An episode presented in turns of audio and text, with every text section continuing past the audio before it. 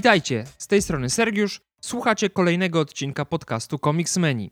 Jeśli dobrze liczę, to spotykamy się już po raz czwarty w tym miesiącu, co jest ewenementem, biorąc pod uwagę ostatnie, ostatni czas. I rzutem na taśmę e, dzisiaj zajmiemy się odcinkiem, który idealnie wpisuje się w Black History Month, mimo tego, że jest to odcinek mocno spóźniony, ponieważ dzisiaj będziemy omawiać komiks, który dwa lata temu obchodził swoje 50. urodziny, więc y, był w planach w 2022 roku, ale niestety, niestety te plany się nie powiodły, więc y, został wyrzucony z harmonogramu, nad czym trochę ubolewałem, ale nic straconego, ponieważ dzisiaj jest idealna okazja, żeby sobie o tym komiksie porozmawiać. A jest to komiks bardzo istotny z punktu widzenia historii Marvela i bardzo istotny z punktu widzenia czarnoskórych mieszkańców Stanów Zjednoczonych, ponieważ będziemy mówić o komiksie Luke Cage Hero for Hire numer 1 z 1972 roku. Jak nie trudno się domyślić, jest to oczywiście debiut Luka Cage'a. Zanim przejdziemy do samego komiksu, tradycyjnie kontekstowo-historyczny wstęp. Luke Cage miał wielu ojców i co ciekawe, pieczę nad tą postacią pełnił Stan Lee, ale za takich głównych twórców uważa się Archiego Goodwina, George'a Taskę, Roya Thomasa i Johna Romita Seniora, z czego ten ostatni y, odpowiada za wygląd Luka Cage'a w momencie, kiedy ten bohater debiutował. Y, I Roy Thomas wspominał powstawanie Luka Cage'a w ten sposób, że Razem ze Stanem Lee doszli do wniosku, że przydałoby się stworzyć kolejnego czarnoskórego superbohatera. Nowego czarnoskórego superbohatera, a wszystko dlatego, że na początku lat 70.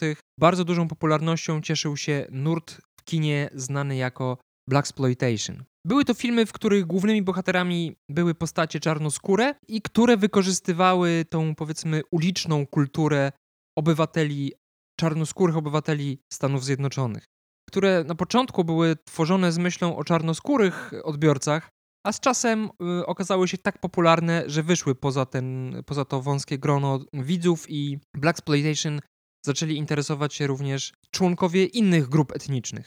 I tutaj Thomas y, wspomina, że tak naprawdę takim katalizatorem do powstania y, Luka Cage'a był film Shaft, który ukazał się w 1971 roku i jest takim kultowym filmem lat 70. i kultowym filmem Blaxploitation. No i początkowo brano pod uwagę istniejących superbohaterów czarnoskórych, innymi Black Panthera i Falcona, ale obaj doszli do wniosku, że te postacie działają już od jakiegoś czasu na swoich własnych zasadach i nie ma sensu zmieniać, yy, zmieniać tego, w jaki sposób te postacie działają, więc zdecydowano się stworzyć postać od zera, która będzie się wpisywała właśnie w ten nurt Blaxploitation. Y, więc razem z y, Goodwinem, Taską i Seniorem zrobili sobie burzę mózgów i w dość krótkim czasie wymyślili nową postać, która mm, czerpała z wielu różnych źródeł tak naprawdę, bo ten Shaft był punktem wyjścia, ale Thomas wspomina o tym, że imię Luke Cage y, wziął z jakiejś listy imion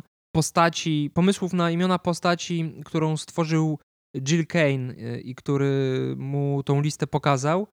Moce Luka Cage'a zostały zainspirowane powieścią science fiction Gladiator Filipa Wiley'ego, a z kolei tytuł samej, samego komiksu, czyli Hero for Hire, został wzięty z jednego z zeszytów Avengers, który taki tytuł właśnie nosił. Więc to jest taka składowa złożona z wielu różnych czynników, ale składowa bardzo ważna, ponieważ Luke Cage był pierwszym czarnoskórym herosem Marvela, który otrzymał własną regularną serię, która ukazywała się przez bardzo długi czas, przez wiele lat. Tutaj jeszcze przy okazji tego, mm, tej genezy twórczej Luka Cage'a należy wspomnieć o tym, co sam e, Romita Senior miał do powiedzenia na temat projektu kostiumu, który wymyślił. Dość charakterystycznego kostiumu. Luke Cage obecnie jest kojarzony z takiego bardzo przyziemnego stroju. To są zazwyczaj jeansy i żółta koszulka ale kiedy debiutował, miał dość charakterystyczny kostium. I oczywiście tutaj nie ma co ukrywać, że na Romitę wpływ miała era disco i ówczesna moda, ale ten rysownik stwierdził, że były też takie mm, elementy, które miały silny związek z charakterem Luka Cage'a.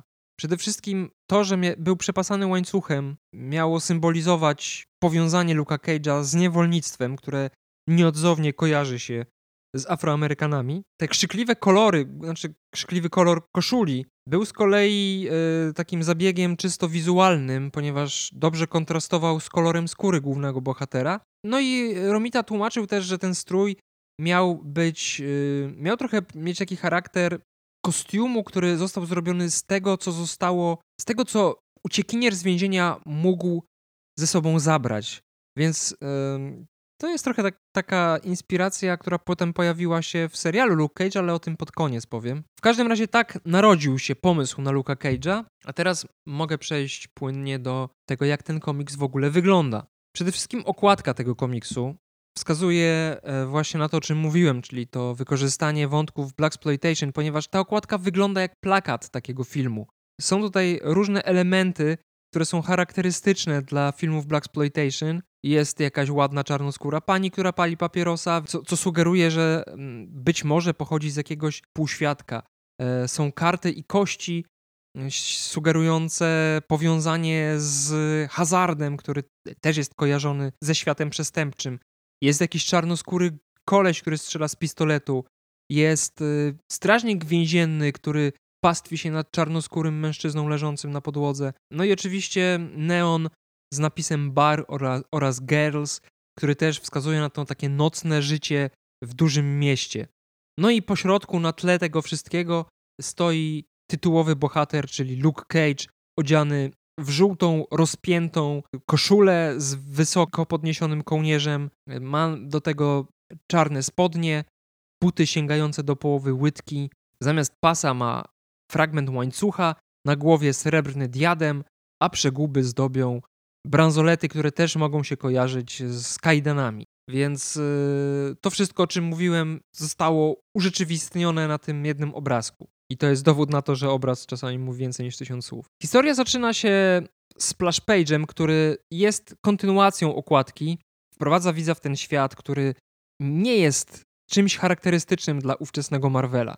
Jest to świat, który jest bardziej przyziemny, bardziej street level, bardziej mroczny też, który jest pozbawiony tych wszystkich kolorowych rajtuzów, dziwnych potworów z kosmosu i takiego typowego superbohaterskiego science fiction, e, na przykład charakterystycznego dla lat 60. Ten komiks też jest ważny, oczywiście najbardziej jest ważny z tego powodu, że, że ma duże znaczenie, jeśli chodzi o reprezentację e, czarnoskórych osób w komiksach Marvela, ale jest też ważny jako mm, zapis zmian, które w popkulturze ówczesnej Ameryki się, które w tamtym okresie zachodziły. Akcja Luka Cage'a zaczyna się w więzieniu Seagate, które jest zwane często przez więźniów małym Alcatraz, e, co świadczy o tym, że to więzienie jest umieszczone na wyspie, więc jest odcięte od e, lądu jakimś tam odcinkiem wody.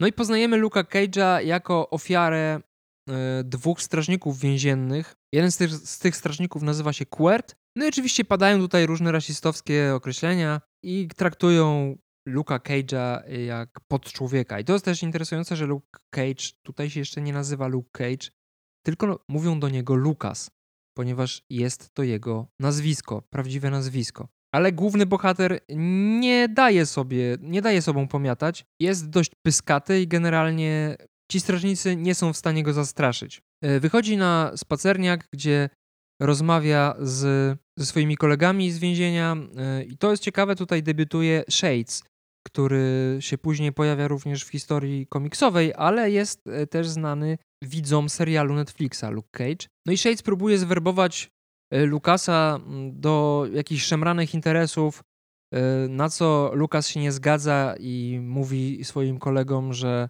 nie interesują go tego typu rzeczy. Jedyne, co go interesuje, to ucieczka z tego piekła. Bo w ogóle też nie powiedziałem o tym, że e, ten zeszyt nosi tytuł Out of Hell a Hero, więc to taka gra słów, sugerująca też, że e, to więzienie faktycznie było piekłem na ziemi.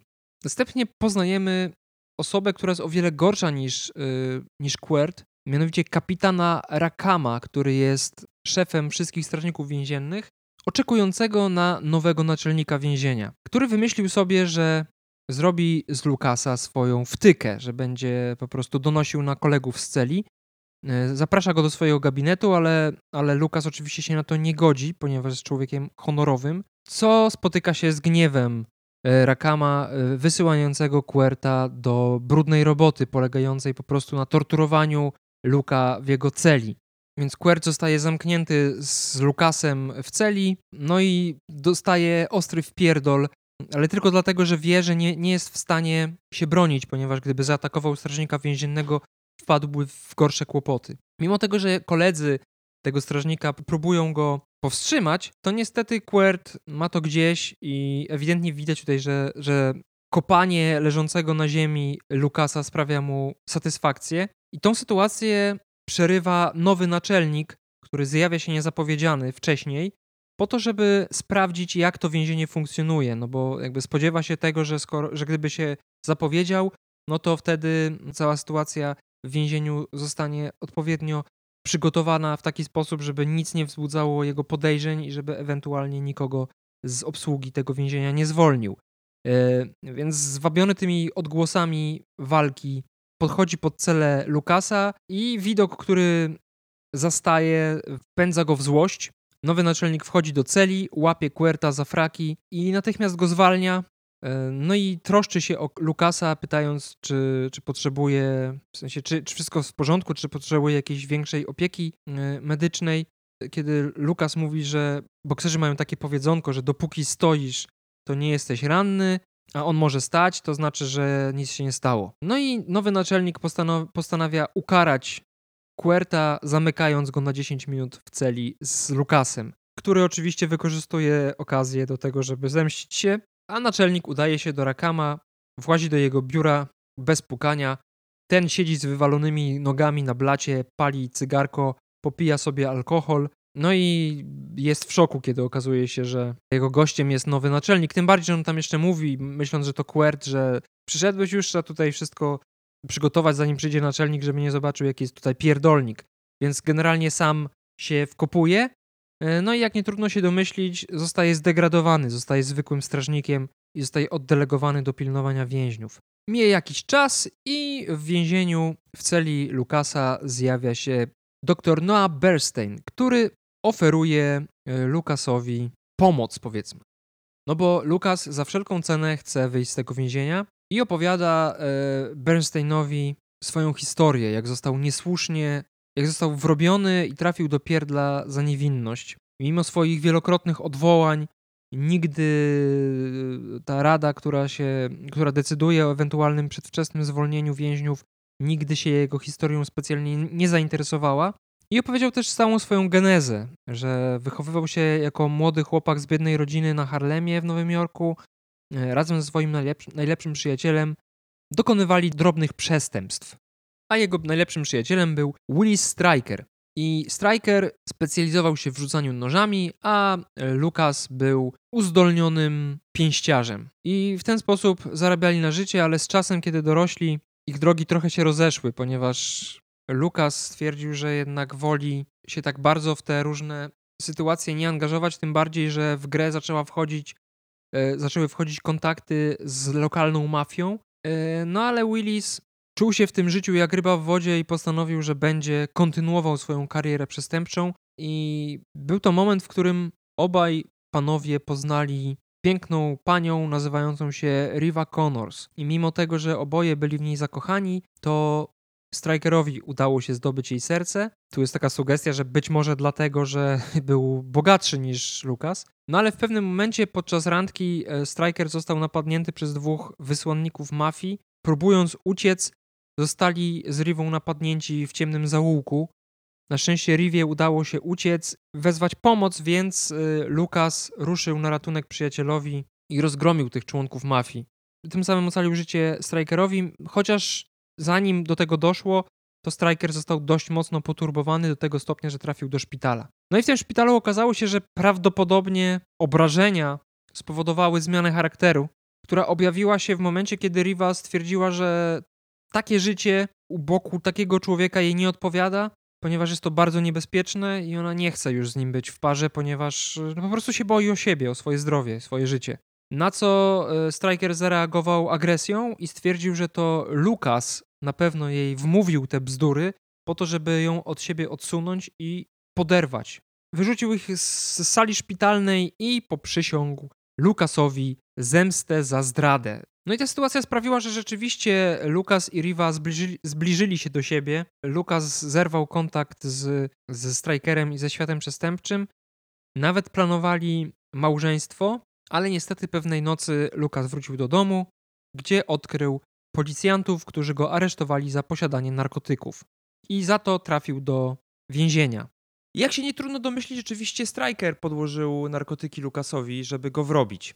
Jedynym kontaktem ze światem przestępczym były plotki, które po więzieniu się rozchodziły, i do Lukasa doszła informacja, co stało się z Rivą i Strikerem. Mianowicie, urażeni członkowie mafii postanowili zemścić się na Strikerze, zauważyli go, jak jedzie z Rivą samochodem, dogonili go, po czym zaczęli strzelać. W momencie, kiedy Striker jechał blisko rzeki, zaczęli strzelać do, do samochodu Strikera, śmiertelnie trafili Rivę w szyję, E, Striker stracił panowanie nad kierownicą, wypadł e, z, z, z, ulicy i samochód spłonął w eksplozji. Riva zginęła na miejscu, mimo to Strikerowi udało się uciec i był szczęśliwy, że przeżył ten zamach na swoje życie. No i kiedy Lukas się o tym dowiedział, jedyne czego chciał od życia to wyjść z więzienia po to, żeby dorwać Strikera i zemścić się za to, że przez niego zginęła jego ukochana. Doktor Bernstein uwierzył w tą historię, albo przynajmniej tak powiedział Lukasowi, i zaoferował mu pomoc. Stwierdził, że nic nie może zrobić dla niego, jeżeli chodzi o aspekty prawne, ale on tutaj jest w tym więzieniu po to, e, żeby przeprowadzić pewne eksperymenty medyczne, mimo tego, że nie nazwał tego w ten sposób, nazwał to swoim projektem. No i przekonywał Lukasa, że warto wziąć w nim udział nie tylko dlatego, że wyjdzie e, z więzienia, raczej jego wyrok zostanie skrócony, ale dlatego, że przysłuży się całej ludzkości, ponieważ dr Bernstein chce stworzyć coś przełomowego, jeśli chodzi o medycynę. Ale od, uczciwie podkreślił, że, że do tej pory jego poprzednie obiekty eksperymentów umierały, więc ten eksperyment jest dość ryzykowny. No co Lukas powiedział mu, że nie chce brać udziału w tak ryzykownym przedsięwzięciu, poza tym nie interesuje go poświęcanie się dla dobra ludzkości, która nie dała od siebie mu zbyt wiele i stwierdził, że woli poczekać do końca wyroku i wyjść zgodnie z prawem z więzienia.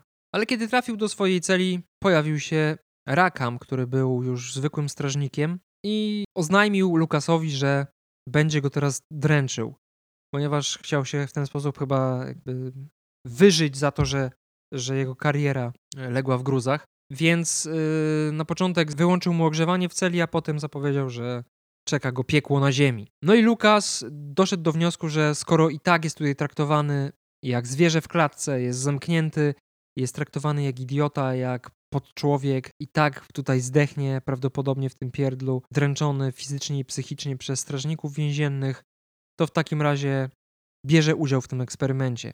Zawołał doktora Bernsteina i udał się z nim do e, specjalnego laboratorium, które wyglądało jak rodem z filmu Frankenstein, o czym zresztą sam e, Lukas mówi, patrząc na maszynerię do której miał wejść. W tym momencie dr Bernstein wytłumaczył Lukasowi, że wybrał go nie bez powodu, ponieważ jest jednym z najzdrowszych więźniów o wspaniałej tężyznie fizycznej, więc jest idealnym kandydatem. Za pomocą tej maszynerii chce znaleźć sposób na leczenie chorób.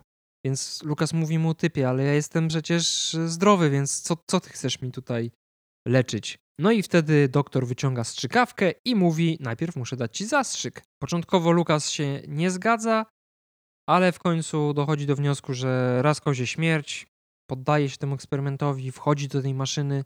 Doktor włącza maszynerię i zostawia go na jakiś czas, zanim ten proces przejdzie do odpowiedniego etapu. Ta maszyna, nie pamiętam jak to wyglądało w serialu, ale w komiksach to była taka mm, komora, która się zamykała trochę jak trumna z okienkiem i w tej komorze była woda, więc siedział w tej komorze zanurzony po, po ramiona w wodzie, no taka wanna z zabudową powiedzmy. No i w pewnym momencie, kiedy ten eksperyment się rozpoczął, Lukas zaczął żałować, że wziął w nim udział, ponieważ strasznie go wszystko bolało, czuł się jakby płonął żywcem, bo te chemikalia zaczęły działać i wołał po pomoc, ale zamiast doktora e, w szybce zobaczył Rakama, który doszedł do wniosku, że teraz wykończy Lukasa poprzekręcał te ustrojstwa, nakrył go na tym e, dr Bernstein, który był przerażony tym, co się dzieje, ponieważ był przekonany, że to spowoduje śmierć Lukasa. I w tym momencie, przepełniony wielkim bólem, Lukas zaczął uderzać pięściami w wieko tej, tej komory, rozbił ją, jakby była zrobiona z tektury, wyskoczył nagi e, z tej, z tej maszyny i jednym ciosem obezwładnił Rakama, który padł jak nieżywy. I z tego powodu Lukas bardzo się zmartwił, mówiąc eufemistycznie, że przez cały ten udział w eksperymencie zabił teraz gościa i e, pójdzie siedzieć na jeszcze dłużej. I z rozpaczy zaczął uderzać pięścią w ścianę. I ku swojemu zaskoczeniu zauważył, że bez szwanku dla swojej dłoni w bardzo łatwy sposób jest w stanie wybić dziurę w ścianie. Co zrobił? I uciekł z więzienia, ale został zauważony przez strażników, którzy rzucili się za nim w pogoń. Ale w momencie, kiedy dobiegł do skraju wyspy i zobaczył, że przed sobą ma tylko klif i wodę, e, poczuł się jak w pułapce, więc złapał za kamień, którym chciał rzucić w goniących go strażników. Ale strażnicy myśleli, że Lukas wyciąga pistolet, więc strzelili do niego ze strzelb czy z karabinów i e, raniony postrzałem spadł z klifu prosto do wody i mimo poszukiwań nie udało znaleźć się ciała, znaleźli jedynie jego podziurawioną od kul e, koszulę, którą, która zaczepiła się podczas upadku o gałązkę.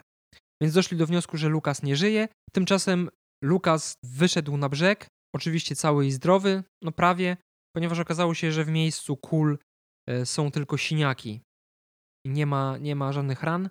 Doktor Bernstein zastanawiał się, czy, czy obiekt jego eksperymentu przeżył, czy zgotował mu śmierć przez przypadek, a Lukas uciekł na ląd i udało mu się po jakimś czasie dotrzeć, wykonując y, drobne prace i ukrywając się przed y, władzami, zdobyć pieniądze i dotrzeć do Nowego Jorku po to, żeby zemścić się na strajkerze. W momencie, kiedy pojawił się w Nowym Jorku, był świadkiem rabunku na knajpę. Rabuś, który wybiegł z tej knajpy, widząc świadka, chciał go zastrzelić, na co Lukas wal zdzielił go dłonią, typ padł nieprzytomny, a z knajpy wyszedł właściciel, który podziękował mu, powiedział, że kurwa mać, jesteś jak prawdziwy superbohater. Proszę bardzo, w zamian za to, że mi pomogłeś, dostaniesz wynagrodzenie. I zapłacił mu kasę, co spowodowało, że Lukas wpadł na pewien pomysł. Wykorzystał te pieniądze, żeby je zainwestować, udał się do miejsca sprzedającego kostiumy, kupił sobie strój, odwiedził grup Rivy i wydrukował sobie wizytówki Luke Cage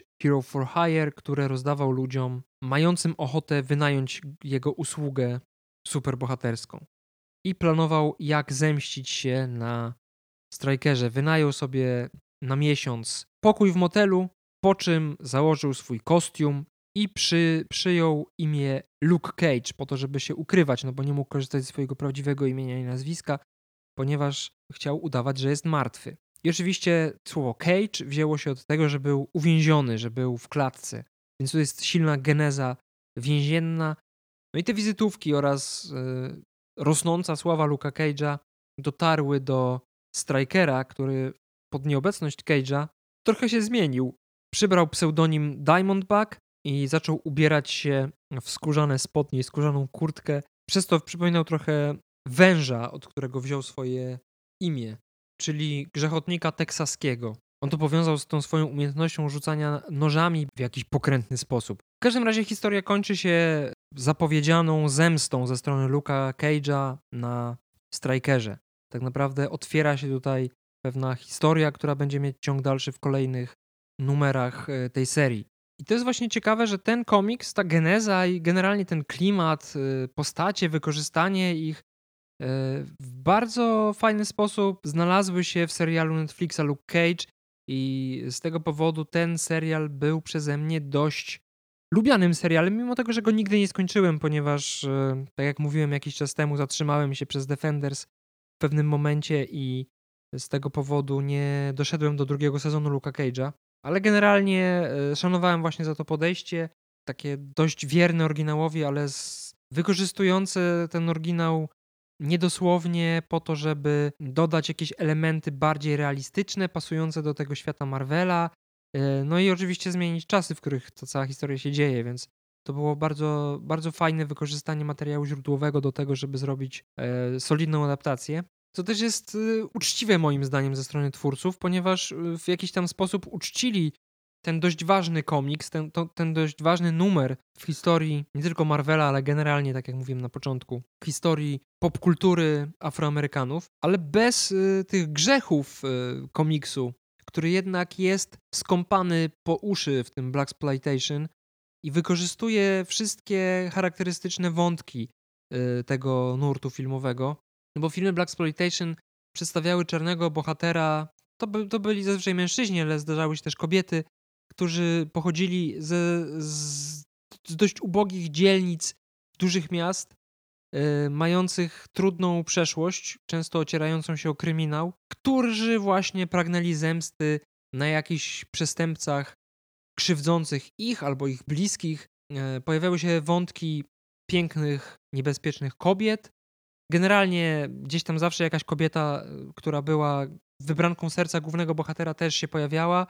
E, pojawiały się różne przestępstwa, takie jak morderstwa, były zwroty akcji w postaci zdrad. No i generalnie ten taki klimat świata przestępczego, takiego ulicznego świata przestępczego był w tych filmach Black Exploitation bardzo często wykorzystywany. No i to wszystko się pojawia też właśnie w Luke Cage'u 1, ale wiązało się to często z przedstawianiem stereotypów dotyczących czarnoskórych mieszkańców Ameryki y, i języka z tym związanego, który był mocno rasistowski. No i też te próby przełożenia czarnego slangu, tak zwanego jive'u, na duży ekran czasami były dość kuriozalne e, i też właśnie powodowały stereotypizację osób czarnoskórych, którzy byli kojarzeni właśnie z, z tym światem przestępczym, z tym takim powiedzmy ma, mało literackim językiem. Z jednej strony to popularyzowało w cudzysłowie osoby o czarnym kolorze skóry, szczególnie z biednych dzielnic, dużych miast, w których dochodziło do wielu aktów przestępczości, a z drugiej strony jednak umniejszało tym, tym przedstawicielom Afroamerykanów e, i wpędzało ich właśnie w taką szufladkę, która dość niebezpiecznie ociera się o rasizm. Co nie zmienia faktu, że mimo tego całego swojego negatywnego wydźwięku filmów Black Exploitation, zrobiło one bardzo dużo dla walki z rasizmem, jeśli można tak powiedzieć. Nawet jeśli była to taka nieuświadomiona walka z rasizmem, raczej takie oswajanie z pewnymi zjawiskami, które, które do tej pory były egzotyczne, ponieważ przed latami 70., to jest w ogóle niesamowite i, i mi się to w pale nie mieści. Przed latami 70., jeżeli jakieś czarnoskóre postacie pojawiały się w amerykańskich filmach, to zazwyczaj i to w takiej naprawdę e, przeważającej części w bardzo negatywnym świetle, zazwyczaj jako niewolnicy, jako jacyś prości ludzie, ewentualnie pomocnicy głównego białego bohatera. No i generalnie było to wszystko pełne najgorszych stereotypów rasistowskich, więc e, ogólnie Black Exploitation pomogło trochę z tego syfu wyjść popkulturze amerykańskiej, ale to nie było tak, że, te, że po pierwsze Black Exploitation wzięło się z powietrza, a po drugie, że to głównie dzięki Black Exploitation Afroamerykanie zyskali powiedzmy trochę wyższy status społeczny. To wszystko wiązało się oczywiście z tym, co działo się w Ameryce pod koniec lat 60., czyli z silnym ruchem praw obywatelskich, no i przede wszystkim z y, ruchem Black Power, dzięki którym, no i dzięki zniesieniu segregacji rasowej, w połączeniu z tym takim głośnym głosem Afroamerykanów, e, Afroamerykanie faktycznie weszli na inny poziom trochę życia, e, przez co stali się e, siłą gospodarczą i nabywczą Ameryki, więc powiedzmy, że pod względem finansowym często zrównywali się z białymi mieszkańcami Stanów Zjednoczonych. I w jakiś sposób to Black Exploitation wpisywało się w te przemiany społeczno-gospodarcze, ówczesnej Ameryki, mimo wszystko y, przedstawiały tą kulturę afroamerykańską w bardziej pozytywnym świetle, mimo tego, że nadal były to sytuacje bardzo problematyczne. No i też warto zwrócić uwagę na to, że to jest kolejna cecha wspólna Luka Cage'a z filmami Black Exploitation, czyli fakt, że mimo tego, że tam w tych filmach głównie grali czarnoskórzy aktorzy i że w sumie zdarzało się, że nawet tworzyli te filmy czarnoskórzy twórcy, to jednak w przeważającej mierze twórcami filmów Black Exploitation byli biali twórcy, którzy w dość cyniczny sposób wykorzystali pewien nurt po to, żeby zarabiać pieniądze na czarnoskórych mieszkańcach Ameryki. I w bardzo podobny sposób do tematu podszedł Marvel, który nie kierował się tutaj żadnym wielkim ideowym celem, mającym walczyć z rasizmem albo, nie wiem, chcącym urozmaicić etnicznie grupę czytelniczą. To nie chodziło kompletnie o to. Chodziło po prostu o to, żeby zarobić kasę na grupie społecznej, która do tej pory raczej komiksami superbohaterskimi się nie interesowała. Taki sposób wprowadzenia postaci czarnoskórych to raczej domena tych właśnie dwóch poprzednich najbardziej znanych postaci czarnoskórych Marvela, czyli Black Panther i Falcon. Oni byli wprowadzeni oczywiście też po części z tego powodu, żeby gromadzić nowych czytelników, ale to jednak było bardziej takie oddolne działanie, takie bardziej naturalne działanie. Tutaj Jack Kirby miał dużo, do, dużo swojego wkładu, ponieważ przede wszystkim, jeżeli chodzi o postać Black Panthera, to stworzył coś, czego w popkulturze amerykańskiej wcześniej raczej nie było, czyli czarnoskórą, potężną postać z kraju, który przewyższa technologicznie, afrykańskiego kraju, który przewyższa technologicznie Stany Zjednoczone. Więc tutaj faktycznie można się dopatrywać jakichś takich bardziej ideowych pobudek, być może nawet nieuświadomionych, może to było raczej na zasadzie puśćmy wodze fantazji zróbmy coś, czego wcześniej nie było. E, ale powiedzmy, że bardziej są to ideowe pobudki niż powstanie Luka Cage'a, który był postacią stworzoną e, z myślą o zarobku. I tutaj nawiążę trochę do tego, o czym mówiłem w poprzednim odcinku, czyli tym płaczem niektórych osób, którym nie podoba się to, że X-Men 97 jest serialem woke ich zdaniem z różnych tam powodów. Już naprawdę nie będę wchodził w szczegóły, ale również rasistowskich powodów, a raczej antyrasistowskich powodów, ponieważ pierwszy chyba taki zarzut e, na temat woke, który widziałem w internecie, to była kwestia dotycząca obsady e, tego serialu, gdzie mimo tego, że wraca e, główna część oryginalnej obsady, to niektórzy aktorzy grają inne postacie niż w oryginalnym serialu, serialu z lat 90. Między innymi pani, która mówiła za Jubilee. Twórcy serialu doszli do wniosku po prostu, że w XXI wieku, w 2024 roku warto, żeby jednak pod postać amerykańsko-azjatycką głos podkładała aktorka amerykańsko-azjatycka, a nie aktorka kanadyjska, e, e, etnicznie biała. I to był wielki powód do artykułu na jakiejś dziwnej stronie, którą znalazłem. Generalnie nie wiem, co to jest. To jest jakaś, prawacka, jakiś prawacki serwis popkulturowy, w którym jest pełno takich tekstów krzyczących, że coś jest woke i z jakiego powodu. I po jakimś czasie, szukając tego tekstu po to, żeby wysłać osobie, z którą rozmawiałem na temat odbioru przez niektóre osoby tego serialu, natknąłem się na kolejny artykuł, który miał debankować pogląd y, na to, że X-Men wcale nie powstali jako coś progresywnego i wcale nie są symbolem różnych uciśnionych grup na przestrzeni historii amerykańskiej, ponieważ Stan Lee jakiś czas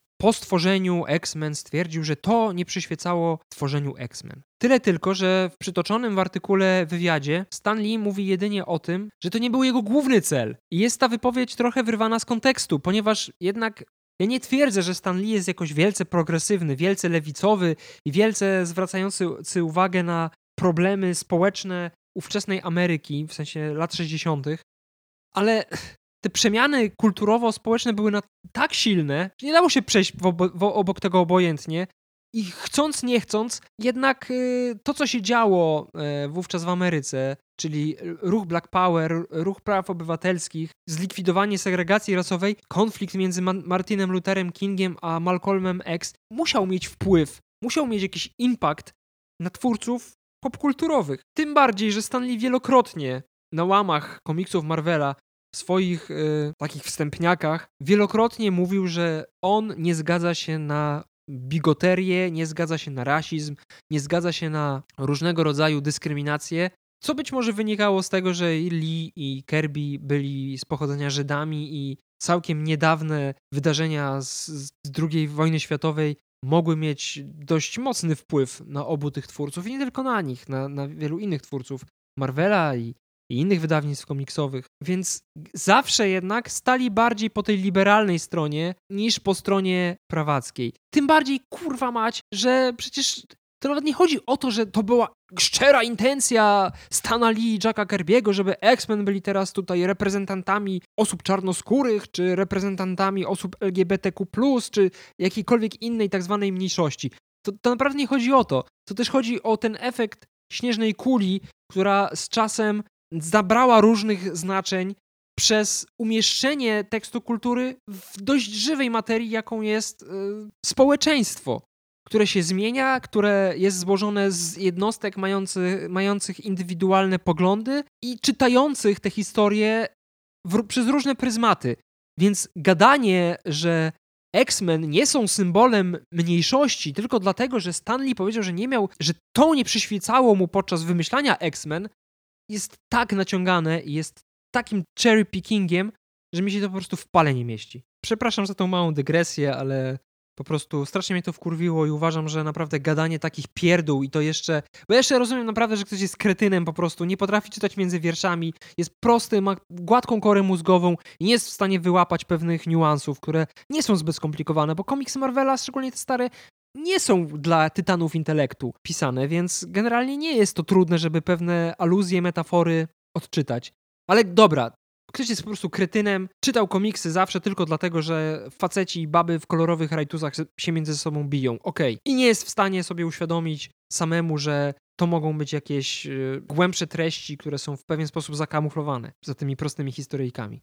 Ale jeżeli ktoś, doskonale zdając sobie z tego sprawę, próbuje uprawiać kłamliwą retorykę, która ma uderzać w twórców, yy, którzy już nie żyją, więc nie są w stanie skomentować tego typu wysrywów, no to to już jest dla mnie po prostu poniżej jakiejkolwiek krytyki. Ale wracając do tematu głównego, no, troszeczkę zahaczając jednak o to, o, to, o to, o czym przed chwilą mówiłem, to e, w tej historii ważne też jest to, że odnosi się ona mimo wszystko do trudnej historii Stanów Zjednoczonych względem osób czarnoskórych, ponieważ, tak jak wspominałem na początku, są te elementy niewolnictwa i w genezie Luka Cage'a, i w jego wyglądzie, ale też pojawiają się takie elementy związane z tym systemowym rasizmem Stanów Zjednoczonych, o których mówiliśmy trochę e, przy okazji omawiania e, komiksu Truth, Red, White and Black. E, między innymi badanie Tuskegee, w którym grupa naukowców wykorzystała grupę nieświadomych, czarnoskórych mieszkańców Ameryki po to, żeby testować, jak zachowa się jakaś choroba. W sensie wstrzykiwano kiłę grupie czarnoskórych mieszkańców Ameryki niewykształconych, biednych, byli to farmerzy.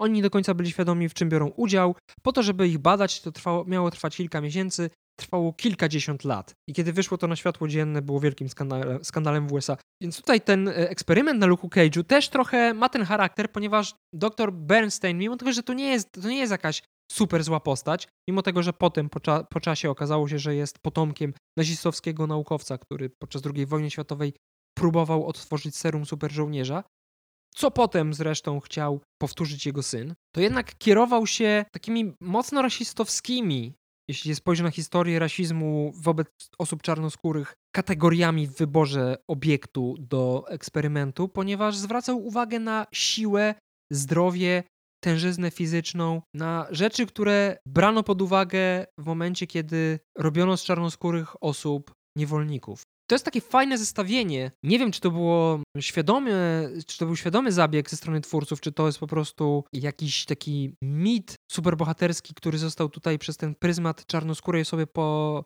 podany i z tego powodu on nabrał tych znaczeń systemowego rasizmu USA, ale można zestawić debiut Luka Cage'a z genezą Kapitana Ameryki i oddzielić te dwie genezy grubą kreską, ponieważ Kapitan Ameryka sam zgłosił się do eksperymentu po to, żeby walczyć dla dobra swojego kraju.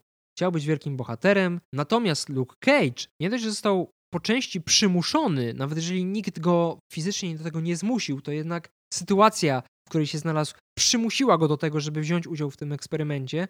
I to sytuacja na wielu poziomach, bo nie tylko chęć wyjścia wcześniej z więzienia, ale również chęć uniknięcia piekła ze strony rasistowskiego strażnika więziennego, który się nad nim znęcał. Więc on się zgodził na ten eksperyment nie do końca e, z własnej woli. I został wybrany tylko dlatego, że spełniał warunki fizyczne. Więc to jest ciekawe, że te dwie genezy dwóch ważnych superbohaterów Marvela są tak od siebie różne i tak bardzo nasączone klimatem e, i pewnym takim podejściem do grup etnicznych w Stanach Zjednoczonych.